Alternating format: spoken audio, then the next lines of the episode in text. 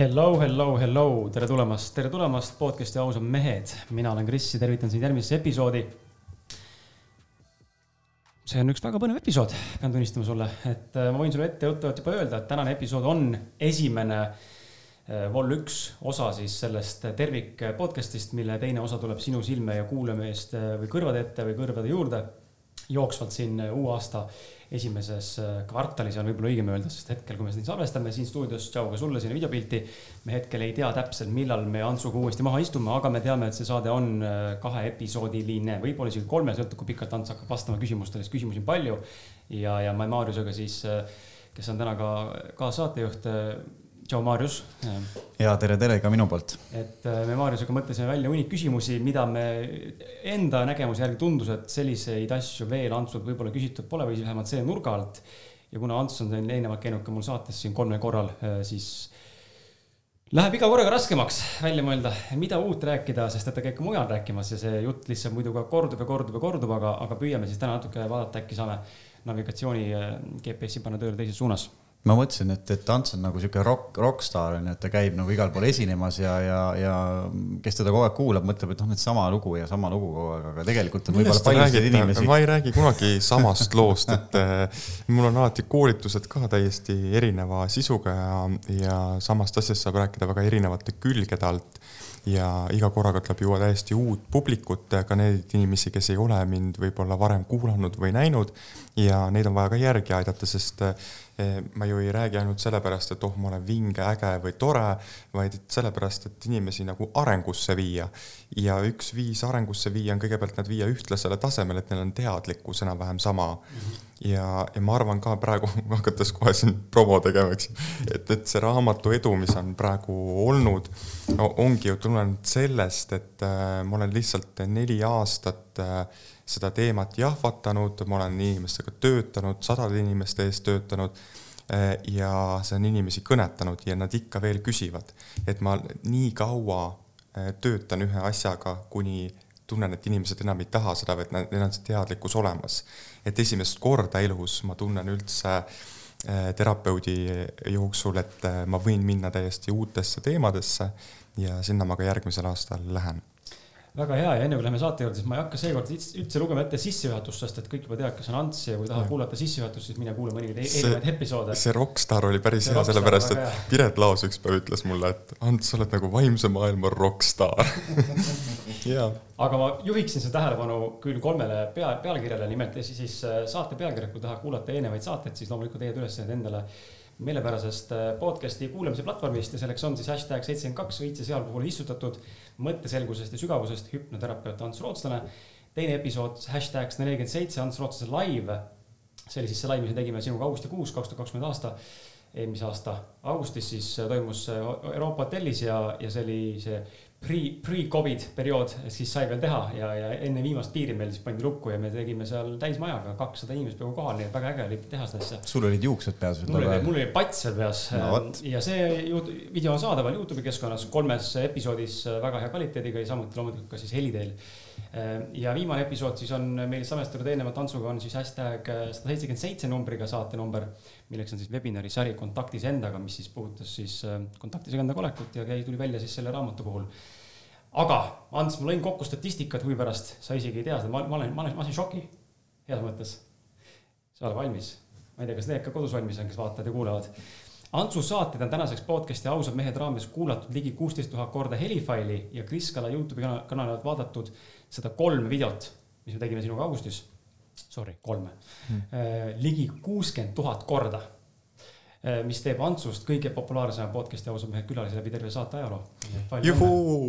uus tiitel. Kõige populaarsem, oota, ma nüüd loen kokku, äh, mitte et see oleks tähtis, kõige populaarsem terapeut, kõige populaarsem kirjanik üleöö ja kõige populaarsem saatekülaline. ja ma käisin ka siin päev iseendale mm, webi, webinar, noh, see tehti nii-öelda üle siis videosilla online'is äh, selline nagu üritus ja, ja seal oli ka, et minu osaajaks tuli rekordarv inimesi laivi vaatama. aga ma ise ei suhtu sellesse enam kuidagi, sellepärast et edu, see on nagu mingis mõttes nagu soe õhk. et ta lihtsalt on, kui ta on kohal, siis eks ju naudi teda. aga ma avastasin, ma olen tegelikult, ma tunnistan ausalt üles, ega, ega seda on päris raske nautida minu elukutse puhul kui sa oled tavaline artist või muusik või laulja, siis see on lihtsalt, sul on toredad fännid ja teeme pilti ja lähme edasi. aga mind krabatakse igal pool ja ükskõik kuhu ma ka ei lähe, inimestel on terve hulk küsimusi ja mul peaks olema siis terve hulk vastuseid. ja nüüd, kui ma olen nagu hakanud piire seadma, et ütlen, et tead, see ei ole see koht, kus küsida, inimesed ei kuule seda lauset. Nad eh, kahe-kolme minuti pärast tulevad uue küsimusega ja, ja siis lihtsalt ongi ükskõik, kuhu sa lähed, sa oled nagu küsimuste laviini all või sind sikutatakse, tahetakse teraapiasse aega või raamatut saada. et sult tahetakse kogu aeg midagi saada. aga mul tekkis see tunne, et aga mul ei ole enam midagi anda, sellepärast et noh, niisugune lühiajalisel perioodil, sest ma lihtsalt ei jaksa, et ma olen selle mm -hmm. krempliga nii-öelda natukene nagu üksi, mul on küll tore meeskond ja kõik muu, aga ükskõik, kuhu ma ka ei lähe seal on ainult nii-öelda kiskumine ja see on minu jaoks olnud äh, kurnav ja ma olen ka mõelnud selle peale, et tegelikult mulle ei meeldi olla sellisel kujul avaliku elu tegelane.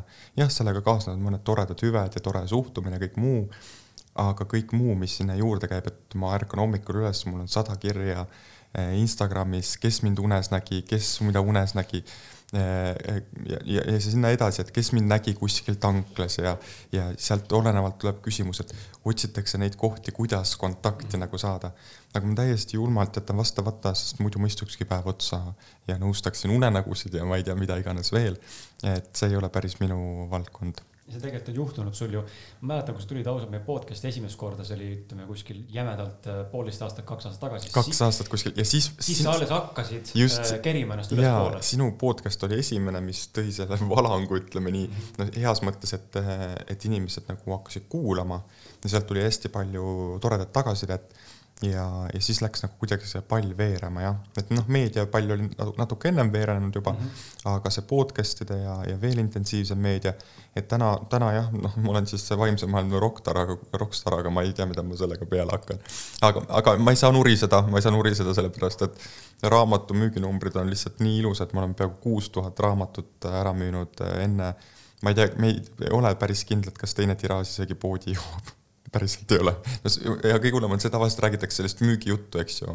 aga mul on reaalne selline olukord, et meil on probleem, et raamatut ei ole, sest paberit ei ole. et seda kvaliteetset paberit on üliraske saada.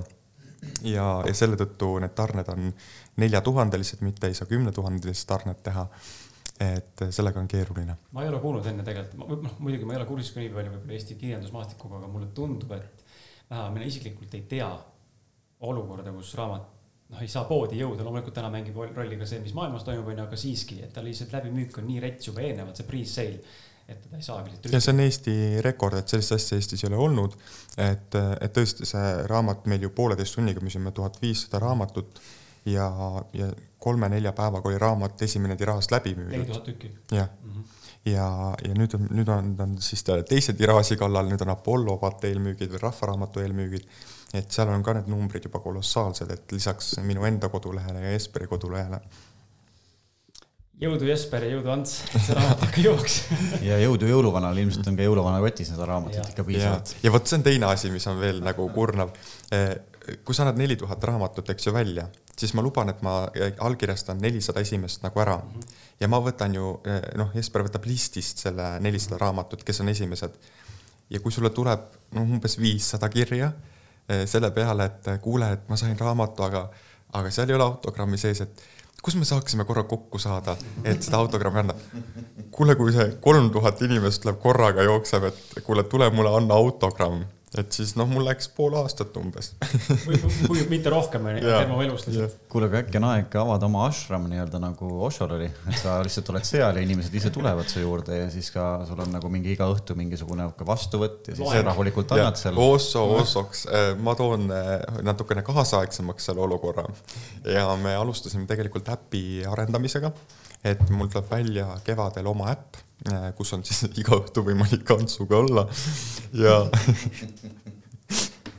see on naljakoht. jah, et seal on, sinna tuleb kogu ähm, minu terapeutiline sisu, kogu filosoofiline sisu ja sinna tulevad ka siis korra kuus hakkavad olema sellised äh, laivid, kus ma siis võtangi mingi kindla teema, võib-olla ka tihedamini, ma ei oska praegu öelda, aga praegu olen planeerinud korra kuus et siis inimestel oleks võimalikult palju see info kättesaadav ja mis ma ise mõtlesin, seal võiks olla ka selline ähm, näitlejatega tehtud äh, sellised nagu teraapiaseansid mm. -hmm. et inimestel tekiks samastumine, et nad näeksid, et äh, see olukord ei olegi nii hull, et siin on see, see, see vaja lahendada ja siis ma saan edasi liikuda. et ma arvan, et see on nagu see, et mis võtaks mul nagu seda koormust vähemaks ja mis samas annaks inimestele väärtust. ja, ja noh, mul on viimasel ajal äh, ma räägin kõik ausalt ära, eks ma tulin nagu pihitooli ja viimasel ajal on olnud olukord, kus noh, inimesed mm, mõtlevad siis, et ma teenin hästi palju, et siis mult tuleb nagu hakata hästi palju raha küsima.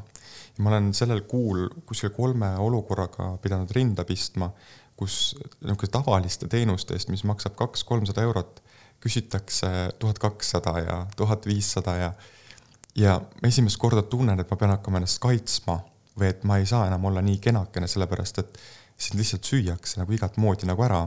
siis ma täiesti julmalt sõitsin nendele inimestele sisse. no ja kui ma sõnadega ette võtan, eks ju, siis nendest inimestest ei jää väga palju järgi. noh, ma ei, ma ei näinud, et keegi seal lõpuks oleks must tuhat kakssada küsinud, no kõik tulid sinna normaalsinna peale välja lõpuks ja, ja see on nagu huvitav ja teiselt poolt mingid inimesed ütlevad, et noh, ja mõned ka kliendid kirjutavad, noh, mis teil viga, teil on ju nii lilleline elu, et käite mööda saateid ja, ja, ja naudite umbes elu. esiteks number üks, elu tulebki nautida. ja number kaks, saadetes käimine tihtipeale ei ole minu jaoks mingisugune trillala-lullala, ma pean seal ka mingit oodatavat sisu andma. ja, ja see on üks osa nii-öelda ka sellest kommunikatsioonist, et inimestele jõuaks laiemalt see info kätte. et, et selliste asjadega, et jah, et sa justkui nagu ei teekski tööd või et sa on, ongi nagu tilulilu, siis eh, inimesed ei mõista, et ma olen lihtsalt neli aastat istunud teraapiaruumis kuuskümmend teraapiat kuus teinud. et esimest korda selle nelja aasta jooksul ma mõtlen, et ma võtan aja iseendale et äh, ma olengi täiesti julmalt öelnud ära teraapiat, ma isegi ei vasta meilidest viiskümmend, kuuskümmend äh, teraapiasoovi päevas. ma ei jõua neile kõigile vastata ja kuna nad tulevad mu erameili peale, sest äh, tavaline meil on kinni pandud kodulehel, siis nad eeldavad, et ma vastan, aga mul ei ole aega. ja, ja ma võtangi, ma ehitan nüüd maja endale sinna Võrumaale ja, ja katsun natukene rahulikumas tempos võib-olla täiesti mingite uute suundadega tegelema hakata. kindlasti teraapia jääb minu ka selliseks üheks osaks, aga ma ei taha enam sellisel kujul mm, igapäevaselt teraapiaruumis istuda. lihtsalt mul sai natukene nagu villand. et ühelt poolt ma võin neid teraapiaid teha, aga kui ma olen nii suure nagu tähelepanu all, siis mul on äärmiselt keeruline jääda sellisesse heasse konditsiooni või sellisesse noh, selline olekusse sest äh, mulle iga minut sõidab mingid asjad nagu sisse ja siis, äh, ja siis noh, sa pead sellega nagu tegelema, sest mul on muid tegemisi ka. et siis minu jaoks on nagu prioriteerid nagu väga paika nagu loksumas, et mis on siis minu jaoks praegusel hetkel võimalik ja mis ei ole võimalik. ja see ei sõltu ka nii palju minust, võib-olla nendest tegevustest, mis ma olen teinud, tagajärgedest. ehk siis äh, ma natukene kahetsen, et ma üldse nii tuntuks sain, päris ausalt paraku on see ilmselt äh, täna veel on see pöördumatu, kui see just väga pildist ära ei kao, siis ma arvan, noh, läheb võib-olla no, paar aastat aega, kus pead haudvaik olema ja siis võib-olla tekib see moment, kus läheb nagu mingi no, Nad kirjutavad ka siis, kui, kui ma ei räägi midagi ju, et äh, mul just oli siin ühe väljaandega probleem, et nad äh, toodavad lihtsalt lugusid äh, ilma mult luba küsimata minu story dest, asjadest, teevad meelevaldseid järeldusi, mis on ebatäpne info ja ma praegu siis mõtlengi, et kas ma annan äh, selle nii-öelda ametliku käigu sellele, sest nad on solvanud minu pereliikmeid.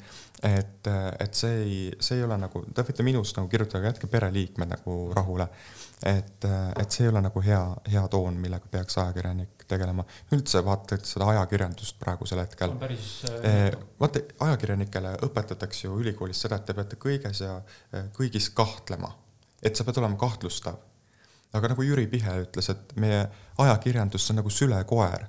noh, toome praegu kasvõi selle, eks ju, selle kriisi näitel, et nad ei esitagi üldse mitte mingisuguseid küsimusi peale selle, kas kolmas vaktsiin tuleb mm -hmm. ja kuna ta tuleb, me juba nii ootame. Eh, noh, umbes sellises stiilis, et nad on ainult nii-öelda valitsuse nii-öelda käepikendus, aga ühtegi kahtlustust noh, ma ei näe selle kriisi puhul ka, et, et äh, tavameedia nii-öelda esitaks nüüd ma tunnustan meediat selles mõttes, et on toodud ka näiteks vaktsiinikahjustuse saanud inimesed mm. -hmm. päevavalgel minu arust on äärmiselt oluline kahte osapoolt nagu näidata.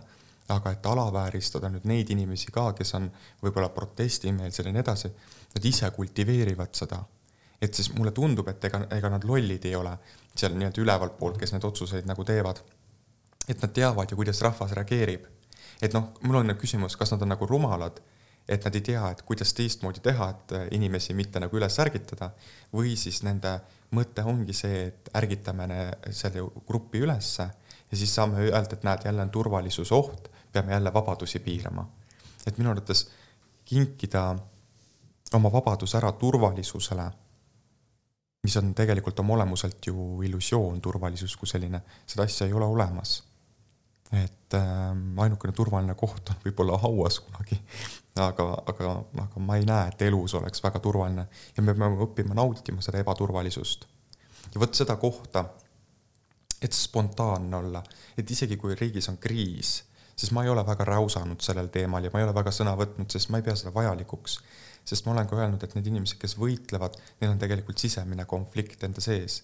et, et mis see, kus see konflikt siis tegelikult nagu pärit on ja, ja mul ei ole seda konflikti päriselt. ma olen kuidagi spontaanselt sellest kriisist läbi voolanud niimoodi, et mul ei ole nagu elu grammigi muutunud mm. -hmm. et äh, mul ei ole nagu mingisuguseid etteheiteid.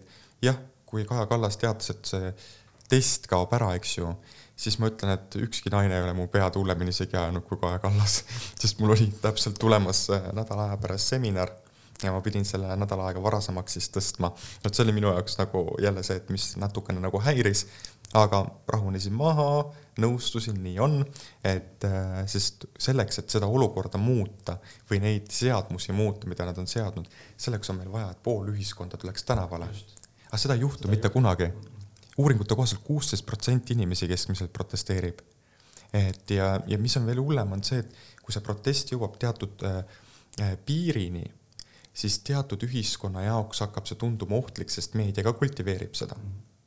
ja siis hakatakse neid protestijaid alavääristama ja välja tõrjuma, sest nad on kuidagi sotsiaalsete ühiskonnanormide nagu vastu. ohtlikud ühiskonnale. ja ohtlikud ühiskonnale, aga minu arvates mõnes mõttes mulle nad ka meeldivad oma olemusel, mulle ka see Elvis Brouer meeldib tegelikult, mitte ainult tema väljaütlemised, noh, temas on palju nagu sellist, mis, mis ei ole nagu adekvaatne, aga mulle siiski meeldib see mässaja temas. ma arvan, me peaksime kõik oma sisimas, mitte võib-olla nii välja kogu aeg paistma mässajad, aga olemas nagu mässajad või kahtlustajad või, või et me saaksime leida nagu tõde.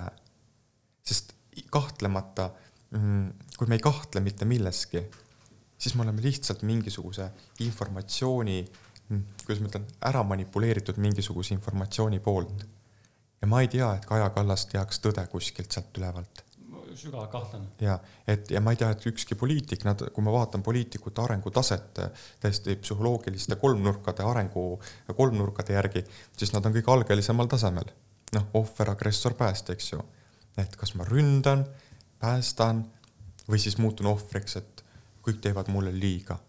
ja, ja aga tema isiklik areng on kasvanud nende aastate jooksul, mis ta seal on olnud. Eh, kui EKRE teda korralikult koolitas, eh, mulle väga meeldib see, eh, see käitumine, me mitte ei meeldi, aga mulle väga meeldis jälgida psühholoogiliselt, kuidas siis Kaja vastu peab sellele. Ja kui kaugele võib see EKRE nagu minna oma ül-, mitte ülbusega, vaid sellise mm, ebaintelligentsusega mingis mõttes, et naisterahva suunas selliseid asju võrrelda teda teatud pildis nagu koeraga äh, riietust kommenteerides. see oli minu arust päris räige mind psühholoogiliselt nagu huvitas, kuna Kaja murdub ja ma nägin, et ta läks nagu järjest vajus, vajus, vajus ära, aga nüüd ta on kuidagi immuunsemaks saanud. et võib-olla see paks nahk ikkagi on võimalik kasvatada. aga ma ei tea, kas seda on alati vaja, sest ma mõtlen ka selle peale, et kui sa kasvatad selle paksu naha endale et siis võib-olla ma peidan ka iseennast iseenda eest ära. ja võib-olla olen ma siis kuidagi vilets või poolik inimene, kuidagi võlts või ego pealt toimiv. see on päris hirmutav. aga kas mitte poliitikud äh,, poliitiku nii-öelda professioon ei eeldagi tegelikult seda, et me ikkagi esi-, esindame seda, mida me kokku lepime mingisuguses nagu fraktsioonis või, või me ei saagi tegelikult ju päris ehedalt ju seda kõike näidata ja ma arvan, et seal ongi Kaja Kallast vaadates äkki ongi seal, ma, mina näen ka nagu seda konflikti, et ta tahaks nagu ühtemoodi esineda ja, ja tegelikult ta peab midagi muud ütlema, tänu sellele ta tundub ka nagu nõrgem mm. -hmm, absoluutselt ja naiste puhul on see kergemini välja loetav ja kui sa tahad tipp-poliitikuks saada, siis sa pead olema mõrd, noh mm -hmm. et sa ei saa olla nagu väga pehmeke, sa pead minema mingis mõttes ka üle laipade, sest selles koha, sellesse kohta ei saada, kui sa ei ole kedagi nagu väga ära hävitanud või kellegi üle võitu saanud. poliitika on võitlus ja, ja ma arvan, et poliitika mingis mõttes väljendab ka ühiskonna enda arengutaset, sest me oleme need esindajad ise sinna valinud ja, ja teatavat arengutaset see siiski peegeldab. et see kõik, mis toimub Riigikogus, see ju toimub ka meil samas ühiskonnas.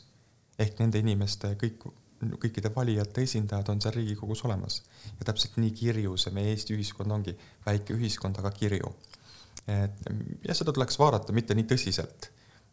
seda tuleks vaadata nagu mängu et nad ju iga päev üllatavad millegiga. Ja mulle nad väga, väga selles mõttes meeldib, et see, kui sa ei lähe emotsionaalselt sellesse sisse, kui sa vaatad seda nagu teatrit, siis see kõlab palju paremini. Mm.. sa mainisid, võtan kinnise sellest, sa mainisid võitlust, eks ole.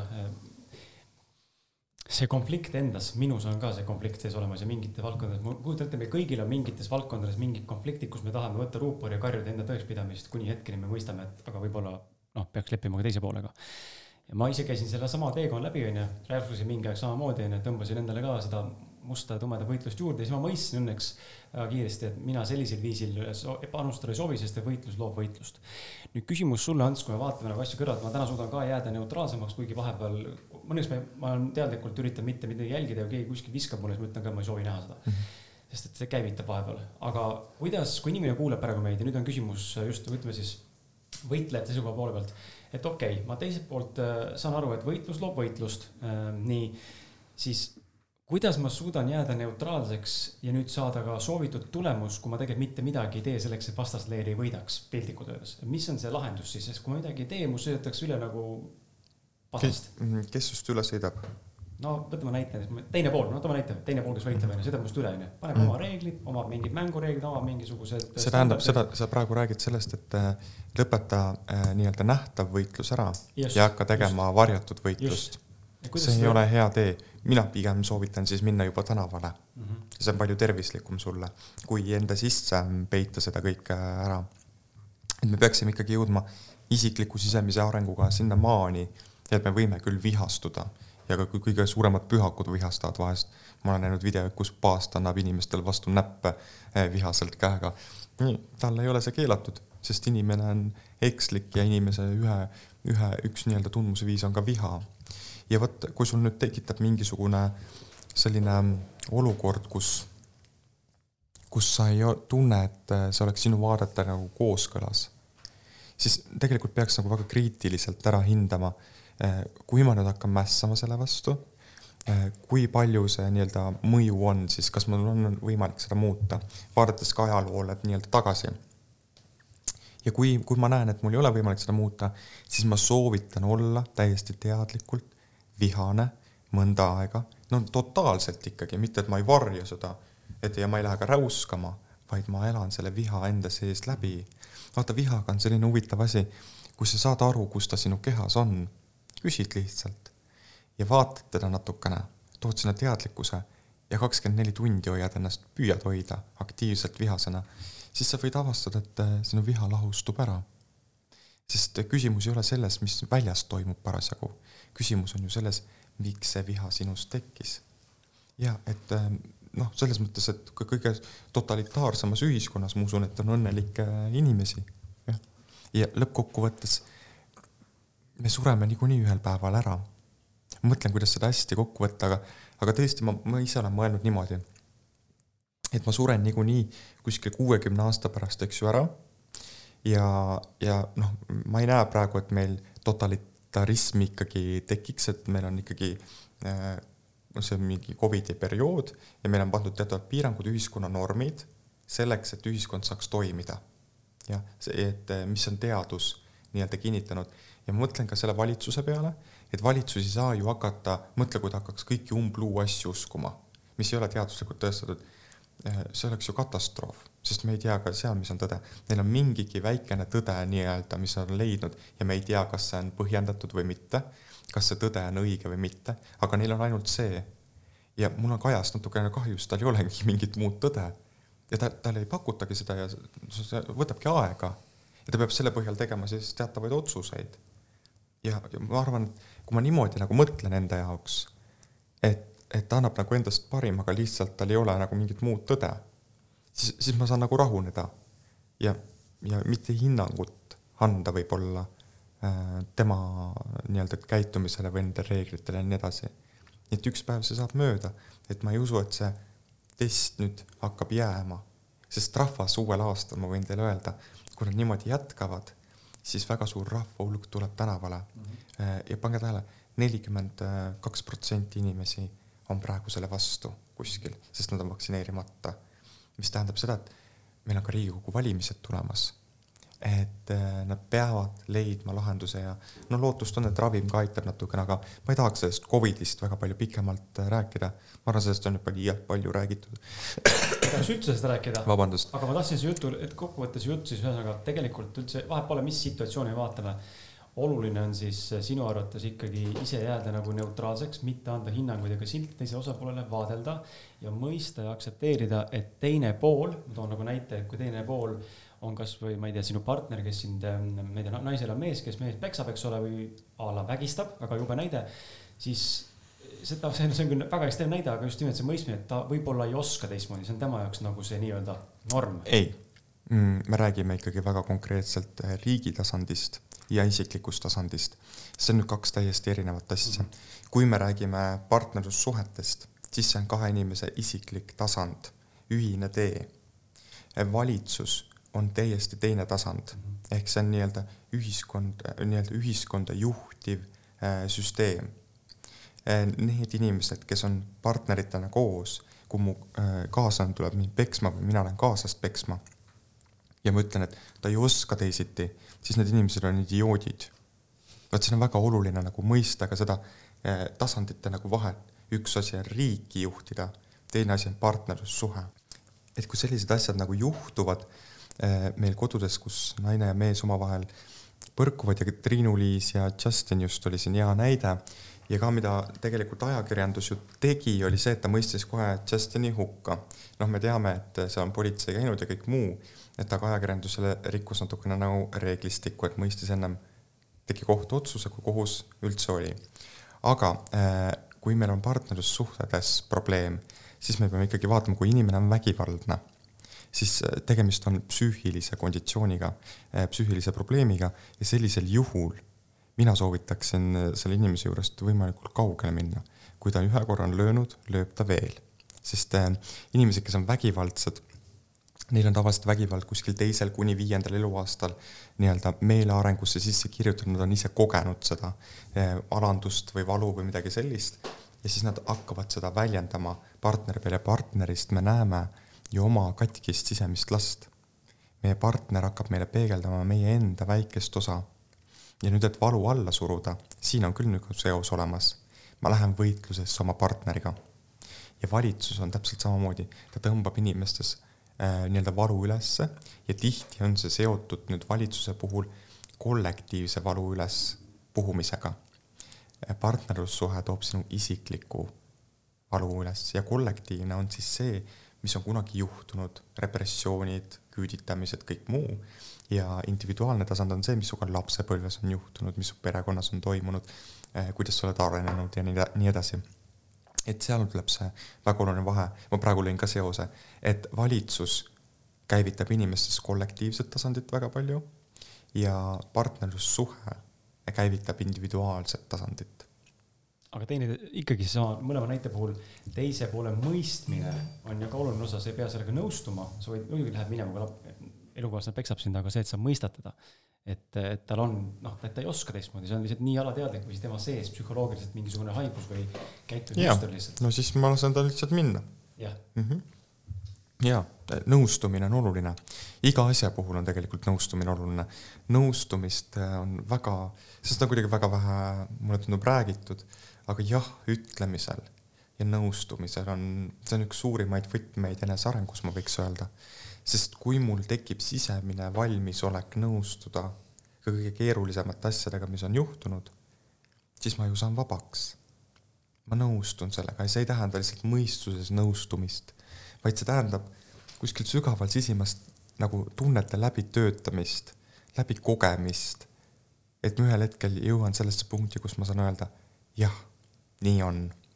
ma nüüd nõustun. ja sa olid selline, sa käitusid selliselt ja vot minu arust on ju, ma tõesti, ma olen viimasel ajal neid vaimseid inimesi kritiseerinud ka. Nad on natuke vihased.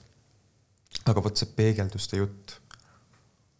vot sellest ma olen nagu väsinud. et mõni inimene käibki ringi, kõik, kõik ainult peegeldab. ma ei tea, kas ta elabki kuskil peeglite maailmas või ma, ma ei kujuta ette. aga ma ütlen nüüd, et kui on näiteks inimene, no ütleme nii, kodutu läheb tänava peal inimesele kallale ja minus tekib nagu mingisugune reaktsioon või, või viha või selline asi, mis on loomulik tunne. et, et ja kui ma hakkaks ütlema, see on nüüd mingisugune peegeldus. ja võib-olla, võib-olla ta meenutas mulle kedagi, võib-olla see olukord on mulle kuidagi tuttav ja kui ma hakkan niimoodi analüüsima, siis inimesed, te lähete lihtsalt lolliks. et minu soovitus on see, et võtke nagu elu natukene lihtsamalt, et kogu aeg number üks ei pea protsessima asju ja need inimesed, kes kogu aeg räägivad, et nad ainult protsessivad, ma küsin, et kuna te elate siis? et kuna te nagu nautimiseni jõuate? ma näen sind jälle, kaks aastat hiljem sa ikka veel protsessid. kaua sa protsessid neid asju? et inimesed on nii manipulatiivsed endaga, et mõtle, nad võtavad ühe teema ja nad suudavad selles kinni olla viis aastat, kaks aastat. Tüütu.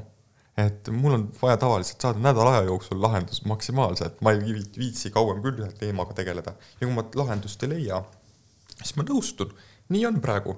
mu elu on nii lühike, mina küll ei kavatse selle teemaga nüüd kaks aastat siin protsessida aga kui äh, võtta nii-öelda aluseks see, see nagu psühholoogiline tees, et, et inimene teeb endale alati parima valiku, ehk et tema jaoks ongi see parim valik, et ta protsessib mingit teemat kaks aastat, sest et noh, tema jaoks noh, inimesed, inimesel on alati palju valikuid, on ju, mida ta teeb. Ja, ja, ja alateadlikult tuleb nii-öelda siis see koht, et aga ma ei saa enne siit edasi liikuda, kui mul noh, mida iganes siis juhtub. vaata, see on see lugu, mida see inimene endale räägib. aga see on jälle alateadlik. ja, ja vahet ei ole, see võib olla ka juba teadlik. nüüd on teadlik, kui ma ütlen, et see on lugu mm. -hmm. jaa, absoluutselt. ta räägib mingisugust lugu endale, ta võimendab seda lugu, ta läheb veel sügavamale, vaata nende perekonnateemadega on täpselt sama, mida ma räägin. sa võidki jääda seda seitset põlvkonda nagu lahendama minu mõte on see, et sa lihtsalt oleksid teadlik nendest seostest, mustritest ja tee ainult ema isa korda nii palju, kui sa saad ja tõmba leebet sealt, et mine oma ellu. et, et see, et me jääme ühte loosse kinni ja räägime endale lugu, et ma ei saa ennem edasi minna, eh, sest eh, noh, nii justkui nagu on, ma olen sellise loo endale loonud, aga kui ma laseksin selle loo täiesti vabaks praegu, ütlen, et aga ma otsustan, et ma saan mm. -hmm. sest nii on võimalik sest alati on miljon erinevat teed, mida mööda minna.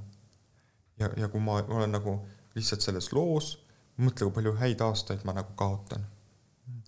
Aga samas jällegi, kui vägivaldsete suhete juurde tagasi tulla, siis ju noh, hästi tavaline muster on see, et naine ei lähe kuhugi ja naine annab jälle andeks ja samamoodi see Triinu-Liisi teema jälle, ta varsti juba postitas, et noh, tegelikult ei olegi nii hull ja nii edasi, nii edasi, et, et nad ikkagi ju ei liigu edasi, kuigi nad kindlasti mõistuses tahaksid ju ka, aga, aga millegipärast nad ikkagi jäävad kinni. miks, miks see annab neile? seal on mõlemapoolne vastutus, esiteks äh, mõlemapoolne vastutus, miks äh, nii-öelda üks saab siis ohvriks ja teine agressoriks. seal on natukene sügavam põhjus. ühelt poolt äh, naised, kes meelitavad endale ligi vägivaldseid ja, ja keerulisi suhteid, kus nad peavad kannatama, siis minu jaoks esimene küsimus on see, miks see inimene alateadlikult tõmbas endale ligi sellise partneri, kes paneb mind kannatama. nii, miks, eh, mis on see, mis temas nüüd eh, tõstab üles selle kannatuse minus? võib-olla see on ka nii-öelda füüsiline, kui ma vaimsest terrorist ei saa aru ja, ja siis ma läheksin sealt nagu sügavamale, küsiksin, kes on varasemalt minu perekonnas niimoodi kannatanud või kas ma olen kasvanud sellises keskkonnas, kus ma olen näinud, et näiteks ema peab kannatama, sest tütar ju õpib kaheteistkümnendast kuni kaheksateistkümnenda eluaastani, kuidas olla naine. ja kui ta sellel perioodil näeb, et näiteks isa tambib seda eh, ema või, või alandab teda, siis ta võtab selle normaalseks. et, et ainult niimoodi ma saan tunda ennast elusana. normaalsena. ja vot see ongi see koht, et need inimesed, kes sellistes suhetes on, on üldiselt äh, hästi nagu katkise psühholoogilise konditsiooniga mm -hmm. ja vaata, neil ei olegi sellist välja kujunenud minapilti või oma nagu seda tugevat mina, kes ütleks, et mulle nii ei sobi, siin on minu piir. ehk siit, et neil puuduvad nagu piirid nagu lubatud ja lubamatu vahel mm, -hmm. sest need ei ole välja kujunenud oma perekonnas. ja vot see on see koht, eh, mida nad peaksid võib-olla teadvustama, sest alati võimalik ära minna, on ka erinevaid võimalusi riigi poolt, eks ju, loodud turvakodud ja kõik muu aga küsimus on selles, et kui see naine tegelikult ise alateadlikult nagu naudib, et see on tema jaoks turvaline keskkond, et kui ma saan peksa, see on mulle nagu tuttav. turvaline, tuttav, sest niimoodi ma olen ju lapsepõlves ka näinud mm. -hmm. et, et ja kui sa seda teadvustad, et see ei ole tegelikult normaalne, vaid ma seda teen teadlikult, et siis on see koht, mis, millega ma peaksin nagu siis tööle hakkama räägi mulle seda, et, et üks asi on ju teadvustamine, et noh, ilmselt nagu see naine, kes ta peksa saab, mõtlebki, et see ei ole normaalne. kas inimesel on üldse võimalik ise muutuda sellest sügavast mustrist välja tulla või tegelikult on tal vaja ikkagi professionaalset, kas siis terapeuti või konstellööri või, või keda iganes sinna kõrvale, kes aitab tegelikult nendest mustritest tal paremini aru saada või süviti ikkagi minna sinna juureni, et, et seda siis päriselt muuta. Kas ise saab üldse seda teha või pigem mitte? ma olen olnud väga halbades lähisuhetes, äh, kus äh, on olnud inimesi, kes on nagu nartsissistlikute joontega olnud äh, hävitanud. ma ütlen teile ausalt, et ma ei leidnud terapeutidest väga palju abi. just seetõttu, et see olukord on nii spetsiifiline ja, ja nendel inimestel tavaliselt on, kes sellisesse suhetesse nagu satuvad, on eriti lahutatud inimeste laste peredes on kiindumisaste inimestel äh, tavalisest kõrgem. ja see tähendab seda, et, ähm, et isegi kui see olukord teeb haiget, siis seal on ka nagu neid häid aegu. ja vaata, äh, psühhoterrorist võtab su nagu oma elujoone pealt nagu ära. ta tõmbab su nagu omaenda elujoone peale kõrvalosatäitjaks. Aga oma elujoon kaob sul ära, sest ta on seda nii-öelda keelanud, ta on öelnud, mis sa teha võid ja mis sa teha ei või, eks ju.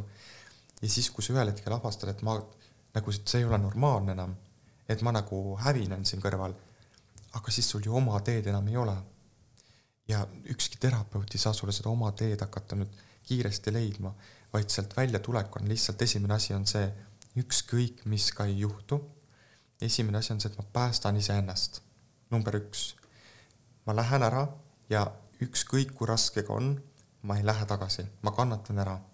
või seal võin kasutada terapeudi abi mm. -hmm. ja siis on küsimus selles, et tavaliselt nad jäävad ka väga palju, naised jäävad selle valuga nagu üksi. ja minu soovitus on võimalikult palju jagada oma sõpradele seda olukorda või seda, mida sa tunned enda sees. et nemad saaksid sulle meelde tuletada, milline sa tegelikult oled. sest sinu minapilt võib olla niivõrd palju ära lõhutud, et sul ei olegi võimalik enam tajuda, mis see vana sina enam olid. et need sõbrad on tegelikult hea meede või hea terapeutiline viis tagasi hakata looma seda oma teed, et nad saaksid uuesti meelde tuletada. sa ütlesid, sul on endal ka selline suhe olnud? mitte otseselt suhe-suhe, aga, aga midagi väga aga mit, mitmeid inimesi on olnud lihtsalt, kellega ma olen väga mhm. lähedalt kokku puutunud, kes on nagu olnud sellised, kes nii-öelda psühholoogiliselt nii-öelda hävitavad väga kavalalt ja manipulatiivselt. aga kas saad natuke jagada enda neid äh, kohti, kui sa selle taipamise, et sa said selle taipamise, et nüüd nii on, sa oled nagu sellise inimese oma ellu tõmmanud ja kui sa hakkasid sellest nagu eemalduma, et millised raskused sul nagu siis endal nagu ette tulid ja, ja mis sa, mida sa nagu tundsid või, või et noh, kuulaja saaks võib-olla ka samastuda, et, et kui, kui on mingitest samasugustest situatsioonidest no.. ei no seal tekibki tunne, et seda maailma ei ole nagu olemas. et isegi kui see inimene nagu täiesti nagu e, sitapea või mis iganes, eks ju, aga sul ei ole tunnet, et e, kuidagi teistmoodi oleks nagu võimalik. et seal sees olles, see on üks kohutavamaid kohti, kus nagu emotsionaalselt nagu olla. ma mäletan, mul oli nagu ärevus, mul tekkis geenikahjustus ju lõpuks, et, et see oli nagu minu jaoks nagu nii räige, et ähm, ma mõtlen, et ma käisin palju oma terapeudi juures, korra hakkas nagu hea, jälle läks halvaks sest need inimesed üldjuhul on sellised, et kui nad korra ära lähevad, nad hakkavad ringiga tagasi tulema või sa hakkad ise ringiga tagasi kuidagi jõudma nendeni. või siis mu üks soovitus on veel, väljuge selle inimese sõprusseltskonnast täielikult. et sul ei oleks ühtegi sidet või keela sellest inimesest rääkida. et ei tekiks enam energeetilist ka mitte mingisugust nagu ühendust enda sees. aga ma mõtlen lihtsalt, et minu jaoks, ma arvan, kõige suurem pauk oli see, et kui ma sattusin haiglasse arst ütles, et ma kümne minuti pärast ei oleks saanud enam päästa. ma arvan, et see tõstis mu eneseväärikust tagasi, ma ütlesin, kurat mis asja ma teen, eks ju. ja sealt sellest hetkest alates hakkas mulle tunduma see kõik nii humoorikas, mis nagu oli olnud. ma mõtlesin, kuidas ma üldse niimoodi sain nagu sattuda sellisesse olukorda, et, et red flag'id on ju väga lihtsad kui sulle keegi hakkab ütlema, et ära suhtle selle inimesega, ära tee seda, sa käitud valesti, sa ütled valesti, eh, noh, kõik on nagu vale, eks ju. et sa oled justkui nagu ebaväärtuslik kogu aeg ja sinus süvendatakse seda hästi vaikselt kuude kaupa. ja ühel hetkel, kui sa hakkad mõtlema, et see on normaalne, et sa oledki nagu vale, sest sa ju usaldad seda teist inimest ja see on, see on nii huvitav, kuidas inimene on võimeline minema kaasa manipulatsiooniga ja kuidas mina, kes ma tunnen sellist nagu käitumist, asja, kuidas ma lasen ennast ikka sellesse kohta nagu viia. see oli minu jaoks üks elu põnevamaid, ma ütleks, kogemusi ja, ja mul on hea meel, et ma selle läbi tegin, aga ma maksin ka sellest väga räiget hinda. aga see, see hind oli seda väärt, eh, seda kogemust, et õppida siis sellist olukorda nii lähedalt tundma. ja kuidas ma sealt lõpuks välja sain, ma arvan, see, et ma rääkisin hästi paljude sõpradega mida ma tunnen, kuhu ma sattusin, et ma teadvustasin seda kõike, et nad aitasid mul selle valuga nagu toime tulla. ja siis step by step eh, ma otsustasin, et kõik, et see inimene on nagu delete minu elus ja et ma toon fookuse, täiesti teadlikult toon fookuse, mitte et ma ei põgene töösse, vaid ma hakkan midagi uut looma. et ma võtsin nagu sellise loomingulise poole endale ette. ja, ja siis mul tuli see raamatu teema kohe, eks ju, mul läks elu kuidagi nagu põnevaks, ma ise lõin olukordi, mis, et elu oleks põnevam. ühel hetkel ma ei mäletanudki sellest enam ja siis ma mõtlesin, issand, ma olin alles nii hullus nagu olukorras ja nüüd ma olen siin ja, ja vaatan seal tagasi ja mõtlen, et, et see tundus kõik mulle huumorina, mis ma ise nagu korraldasin. Ja mida, mida see teised inimesed siis korraldasid, see oli nagu naljakas. Et, et nartsissistid ka, nad on hästi naljakad tegelikult, kui sa ei ole nendega emotsionaalselt lähedalt seotud, nende käitumine lihtsalt on nii naljakas. Mm. -hmm aga, aga sellegipoolest äh, sa räägid, sul oli vaja nii-öelda sihukest nagu meeleheidet, seda auku, eks ju, kuhu ikkagi sattuda, et siis sa nagu mõtlesid, et ah, kus ma nüüd olen, mida ma teinud olen endaga. et see on tihtipeale ju nii, niimoodi lähebki inimesel. mul tuli meelde, teate, kuidas ma sellest välja sain? Äh, minu Portugali õpetaja ütles mulle, et äh, põhjus, miks see niimoodi on ja minu süsteemis on üks inimene, kes saatis kunagi inimesi küüditamist ära ehk mm. siis rikkus ära väga paljude inimeste saatuse, oli pealekaebaja. ja, ja nende teiste inimeste süsteemides on olnud inimesi, kellega mul on olnud probleeme, kes on olnud äh, nii-öelda siis need inimesed, kes on küüditatud äh,. ja nüüd tekkis minu tasandil uuesti, kuna see on lahendamata, on ohvrid on jäänud süsteemis tunnistamata, mis on süsteemi puhul äärmiselt oluline, kõiki ohvreid peab tunnistama ja keerulised partnerlussuhted ma avastasin, ka ma töötasin palju nartsissismi ohvrite ja kõige muuga. ehk siis mina otsustasin kannatada koos nende inimestega süsteemselt, kelle minu üks esivanem saatis küüditamistele. ja teate, kuidas see vabanes, ma ei uskunud seda alguses. aga ta ütles mulle, et vii selle küüditanud inimeste mälestusmärgi juurde küünali, ütle teatavad laused. ja ma viisin sinna küünla ühel õhtul ja, ja ma ütlesin, et ma nõustun selle olukorraga, nagu see on. Äh, ma annan teile oma süsteemis koha, oma südames koha ja palun vaadake minu saatuse peale hea pilguga. ja palun aidake mul terveks saada. ja voilà, kolme päeva pärast hakkas mul ravi tööle, mida muidu arstid ei saanud paika. ja vot sealt ma sain aru, et okei okay,, et süsteemil on ikkagi ka väga suur mõju sellesse, et, et millist lähisuhet, et see lähisuhe peegeldab seda valu või kannatust et kui ma juba kogen surmalähedast nagu kogemust, siis minul nagu süsteemse terapeudina tekib küsimus, aga kellega fuck ma olen siis kokku seotud seal, kes on nagu surnud või kes tahab läbi minu nähtavaks tulla. et kaua ma seda pulli nagu teen. ja vot, kui ma saan aru sellest, et, et ma olen võib-olla mingi inimesega seotud, kes tahab läbi minu nähtavaks tulla, siis on mul võimalik natukene kergemini seda olukorda võtta ma ei tea, räägin adekvaatset juttu täna või? mul lihtsalt hommik, vaata, et ma ei ole väga teravam pliiats täna mul tekkis sind kuulates enne see täielik küsimus natuke, noh, natuke sarnasel teemal, kui sa rääkisid sellest, et äh, kui keegi kogu aeg vähendab sind, eks ole, sul tekib tunne, et sa oled vale. kõik, mis sa teed, on vale, kogu aeg on vale, juurdutakse nina alla, seda tehakse teadlikult või alateadlikult. ma ise olen kogenud sarnast asja, toon sulle näite, küsi, mis sa sellest arvad, ma ei tea, kas Maarjus on kokku puutunud sellega. ma arvan, me kõik oleme mingil määral, kui meil tekivad autoriteedid elus, meil ikka, ikka tekivad vahepeal, olgu meie vanemad, olgu meie õpetajad, olgu meie mingid, ma ei tea, vanemad sõbrad. Maarjus mulle on mingil määral autoriteet, sina oled mulle mingis käitumises autoriteet. stopp, eh, esimene reegel, mida sa oma elus võiksid sisse tuua, ära järgne mitte kunagi kellelegi vaata, inimesed teevad tihti ka minu puhul vead, nad kuulavad minu sõnu mm. -hmm. ma võin igal pool rääkida erinevat juttu. tead, miks ma seda teen? sellepärast, et inimestel puudub iseseisev mõtlemisvõime. ja ma ei taha, et ma oleks mingisugune ema, ebajumal või keegi, kellele inimesed siis järgnevad, sest vaata, ma olen usu suhtes natukene, võtan leebema tooni, aga Jeesus ütleb ka, järgnege mulle. nii, aga ka kõige suuremad meistrid eksivad ja kui ma nüüd järgneksin Jeesusele, usule, siis ma ju annaksin ära oma jalad mm, -hmm. oma silmakesed ja ütleksin, ma nüüd kõnnin Jeesus sinu jalgadel, sinu silmadel. Siis ma ütleks iseendale, et Ants, kas sa ei ole mitte millestki aru saanud, kas sisemist kasvu ei olegi olnud? et ma saan aru, et väga paljud inimesed on psühholoogilistes probleemides ja nii edasi, aga sellepärast ei tasu kellelegi järgneda, vaid ikkagi leida oma tee sa võid võtta pusletükikesi, aga ära tõsta kunagi kedagi endast kõrgemale mm. -hmm. see on sinu enda, pane tähele, sulle vastuse, sa ise viid ennast madalamale positsioonile. miks sina oled vähem tähtis või vähem selline targem kui mina, sul on mingid teised tarkused, mul on mingid teised tarkused, aga me oleme, meie saatused on võrdsed. Inimõigused, vot selliseid asju ei ole olemas tegelikult, need on paberi peal, et need, neid demonstreerida. tegelikult inimesed kui sellised ei ole oma loomuselt võrdsed. meil on erinevad anded, järelikult me ei saa olla võrdsed, aga meie saatus on võrdne selles mõttes, et me tuleme, ükskõik millisest kohast me ka ei tule, meil on kõigil võimalik saada millekski või kellekski, kui me lihvime enda selle teemanti sees ära ja kui me üldse leiame selle ülesse. mõni otsib terve elu, mõni leiab selle niimoodi äkki, saab välguga pähe. et, et see autoriteetide loomine, ma tegin seda kunagi ja, ja mul oli üks Eesti koolitaja oli autoriteet ja kui ma kuulsin ja ma ükskord nägin teda füüsiliselt, sain temaga vestelda, siis ma nägin, seal ei ole mitte midagi, mille suhtes autoriteeti nagu tunda.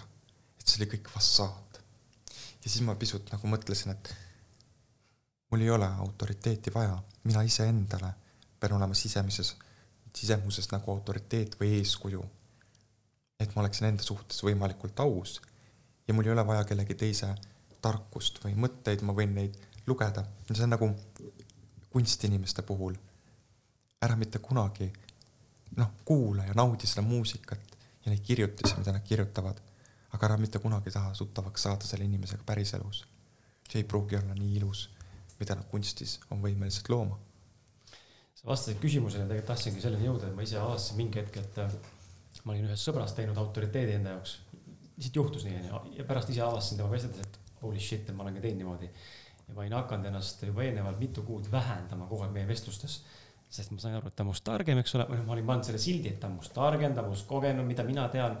ja lõpuks mul oligi see, et ma tegelikult ei väärtustanud ennast üldse enam ja ma olin kogu aeg vait ja surusin enda seda tõelist nagu ausust või autentsust alla. mina arvan ka, et see autoriteedi seadmine on nagu ühelt poolt nagu latt, kuhu me tahaksime nagu jõuda aga vaata, siis ma tahan jõuda sellesse kohta, kuhu tema on jõudnud. aga võib-olla mu elu muutub vahepeal, võib-olla ma pean hoopis teise, hoopis teise kohta jõudma. Et see võib inimest väga palju eksitada. et minu üks autoriteete on, äh, ma olen öelnud ka, et ma olen väga palju õppinud ähm, portugali õpetaja käel, kes on Osso õpilane olnud ja nii edasi. et ma olen sellest Ossost kuidagi nagu olnud mõjutatud ja ka minu väljaütlemised on kohati mõjutatud. aga ma mõtlen seda, et ma tegin uuringu võtsin need kõik vaimsed inimesed ette, eks ju, need gurud ja kõik. Ja siis ühel hetkel ma avastasin, et me räägime kõik ühte sedasama juttu. lihtsalt läbi erineva, erineva filtri. ja, ja ma mõtlesin, et ma ei ole neid inimesi isegi lugenud, pole neid isegi vaadanud.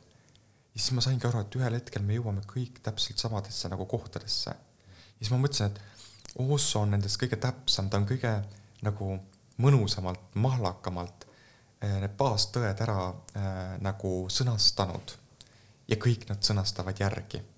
Ja mina mõnes mõttes ka, et siit, siit ma lõin nagu ühe selles mõttes, ühe huvitava nagu järelduse, et, et kui järgneda, et siis võib-olla üles tõusnud nagu meistrile. kes on nagu valgustunud. sest tema mõtted on puhtad, tema mõtted on ilma egota. ja, ja teda, saab nii-öelda puudutada ka läbi selle, kui ta on surnud. ehk siis tema teadvus on nagu saanud kõigeks, üheks. see, see, ma ei ütleks seda, et see oleks nagu usk, aga samas see kuulub nagu fatalismi alla, et ma siiski nagu usun, et see võib saada üheks, aga ma ei ole temast nagu kinni. aga siiski tema mõtted, see on nagu kulda väärt ja, ja öelda, et näiteks abielus inimesed äh, on surnud inimesed. ma raamatus kirjutasin selle küsimärgiga ja lahkasin siis seda, miks need inimesed on siis surnud inimesed ja jõudsin ka teatava mingisuguse vastuseni. meil on kümme minutit jäänud, Maarjus no vot, ma ei teagi, kas ma toon üles selle valgustumise teema see ka võib-olla. jah, valgust, ei, valgustumise teema on väga lihtne. esiteks Ants on valgustunud. ei, stopp, stopp, stopp, stopp. tegin nalja eh, mul on olnud valgustumise moment ja ma suudan seda esile kutsuda, kindlasti ma ei ole valgustunud, ma olen ikkagi sama palju hea kui sama palju halb. ja see on üks eeldus, et saada valgustunuks, seda tunnistada. Eh, inimesed, kes eh, räägivad sellest, et nad tahavad saada valgustunuks, ma arvan, need inimesed ei saa mitte kunagi esiteks, äh, kui sa tahad millegi poole minna, siis tema sedamööda taganeb nagu jookseksid vikerkaare järgi. et valgustumine kui selline ei saa olla eesmärk, sest elul kui eksistentsialt kuulates nüüd Ossot, eks ju, et kes, äh, kellel ei olnud eesmärki ja kes oli valgustunud, et tema eesmärk ei olnud kunagi saada valgustunuks, see lihtsalt nagu juhtus. aga meie inimestena, äh, mis meie arengu mõte nagu on, mina näiteks tahaks nii kaugele areneda selles osas, et ma rohkem ei peaks siia sündima no tõesti rohkem peaks sündima. Et see tähendab seda, et ma pean oma mm, energeetiliselt ja psühholoogiliselt viima ennast nagu täiuslikkuseni. ja üks viis, kuidas pääseda surma-sünni ahelast, on see, kui sa suudad surma nautida oma elu lõpus mm. -hmm. kui sa lähed ära naudinguga, ilma reageerimata, ilma hirmuta. huviga võib-olla. huviga ja mm, -hmm. ja, ja teades, et see on nagu nauding või lõbutsemine, vot see muudaks väga palju et siis, aga vaata, enamus inimesi ei ole, nad ei mõtlegi selle peale. Nad peavad sinna arengus üldse jõudma erinevate nagu eludega, et üldse sellesse kohta nagu jõuda oma elus. ehk siis meie ainukene mõte on see, et teha vigu hästi palju, teha lollusi. Eh, need, need preestrid, kes on meile öelnud või see usk, mis on öelnud meile, et see on patt ja see on patt, eh, saatke need pühakud oma peast minema ja hakake elama. tehke kõike, mis teie hing ihaldab sest ainult äh, nagu piibel ütleb, sa pead maitsema vilju hea ja kurja puust. jah, ja seda elus sa pead ka tegema, sa pead kõike proovima selleks, et sa saaksid aru, kuidas olla täiuslik. sest see, kui mina siin räägin, see ei ole õpetus praegu, ma lihtsalt räägin midagi, mis praegu tuleb, eks ju, aga sa pead seda ise oma elus integreerima, kogema, unustama ära need pühakud ja sealt vallandub ka meie potentsiaal, meie totaalsus so what, teen, mis tahan, ütlen, mis tahan, vaatan, mis siis juhtub. jah, ma niimoodi olen ka teinud, ma olen provotseerinud, ma olen öelnud õnnelikele abielus inimestele, te olete surnud inimesed, ma olen lihtsalt vaadanud, mis seal juhtub. kohe, kohe hakkab kaitsmine, põhjendamine. ütlesin, ma ei vaja seda praegu. ma lihtsalt ütlesin ühe lause mm?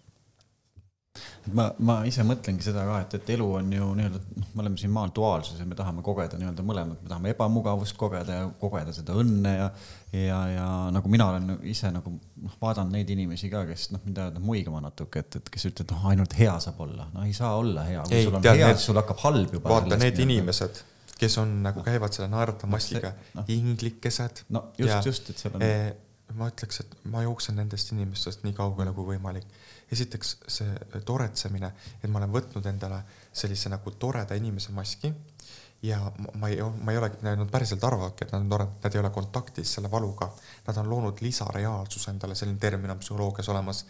ja siis nad käivad, tahad, ma õpetan sulle, kuidas kohvi oleks maitsvam rohi oleks rohelisem, tule minu nõustamisseansile, kakssada viiskümmend eurot. ma käisin kahepäevasel kursusel, ma saan ka sulle näidata, kuidas on see kõik võimalik. noh, sellised inimesed, no ei. et eh, minu arvates, kui inimene näitab, et on ainult tore, tore, tore, et siis nendest inimestest tuleb võimalikult kaugele hoida, nad on äärmiselt ohtlikud inimesed, sest ühel hetkel see kaan läheb maha. Mm ja vot mulle meeldib niisuguseid inimesi susida, eh, sest ma võin neile kirvega pähe anda heas mõttes ja nende kogu see õnn ja rõõm äh, lakkab olemast. TV3-s oli selline huvitav saade nagu eksperimentaalsaade nagu Laager. no see oli ebaterapeutiline ja ma arvan, sellist teed ei peaks näitama inimestele, aga see oli hea meelelahutussaade ja seal oli üks säde mingi niisugune nimega, kes rääkis ka, kui, kui nii-öelda õnnis ja terve ta on ja nii edasi, poole laagri pealt ainult nuttis ja kõige suurem draamatseja nagu oli, eks ju. et noh, see tõi välja selle inimese nagu olemuse, mõnes mõttes on see hea.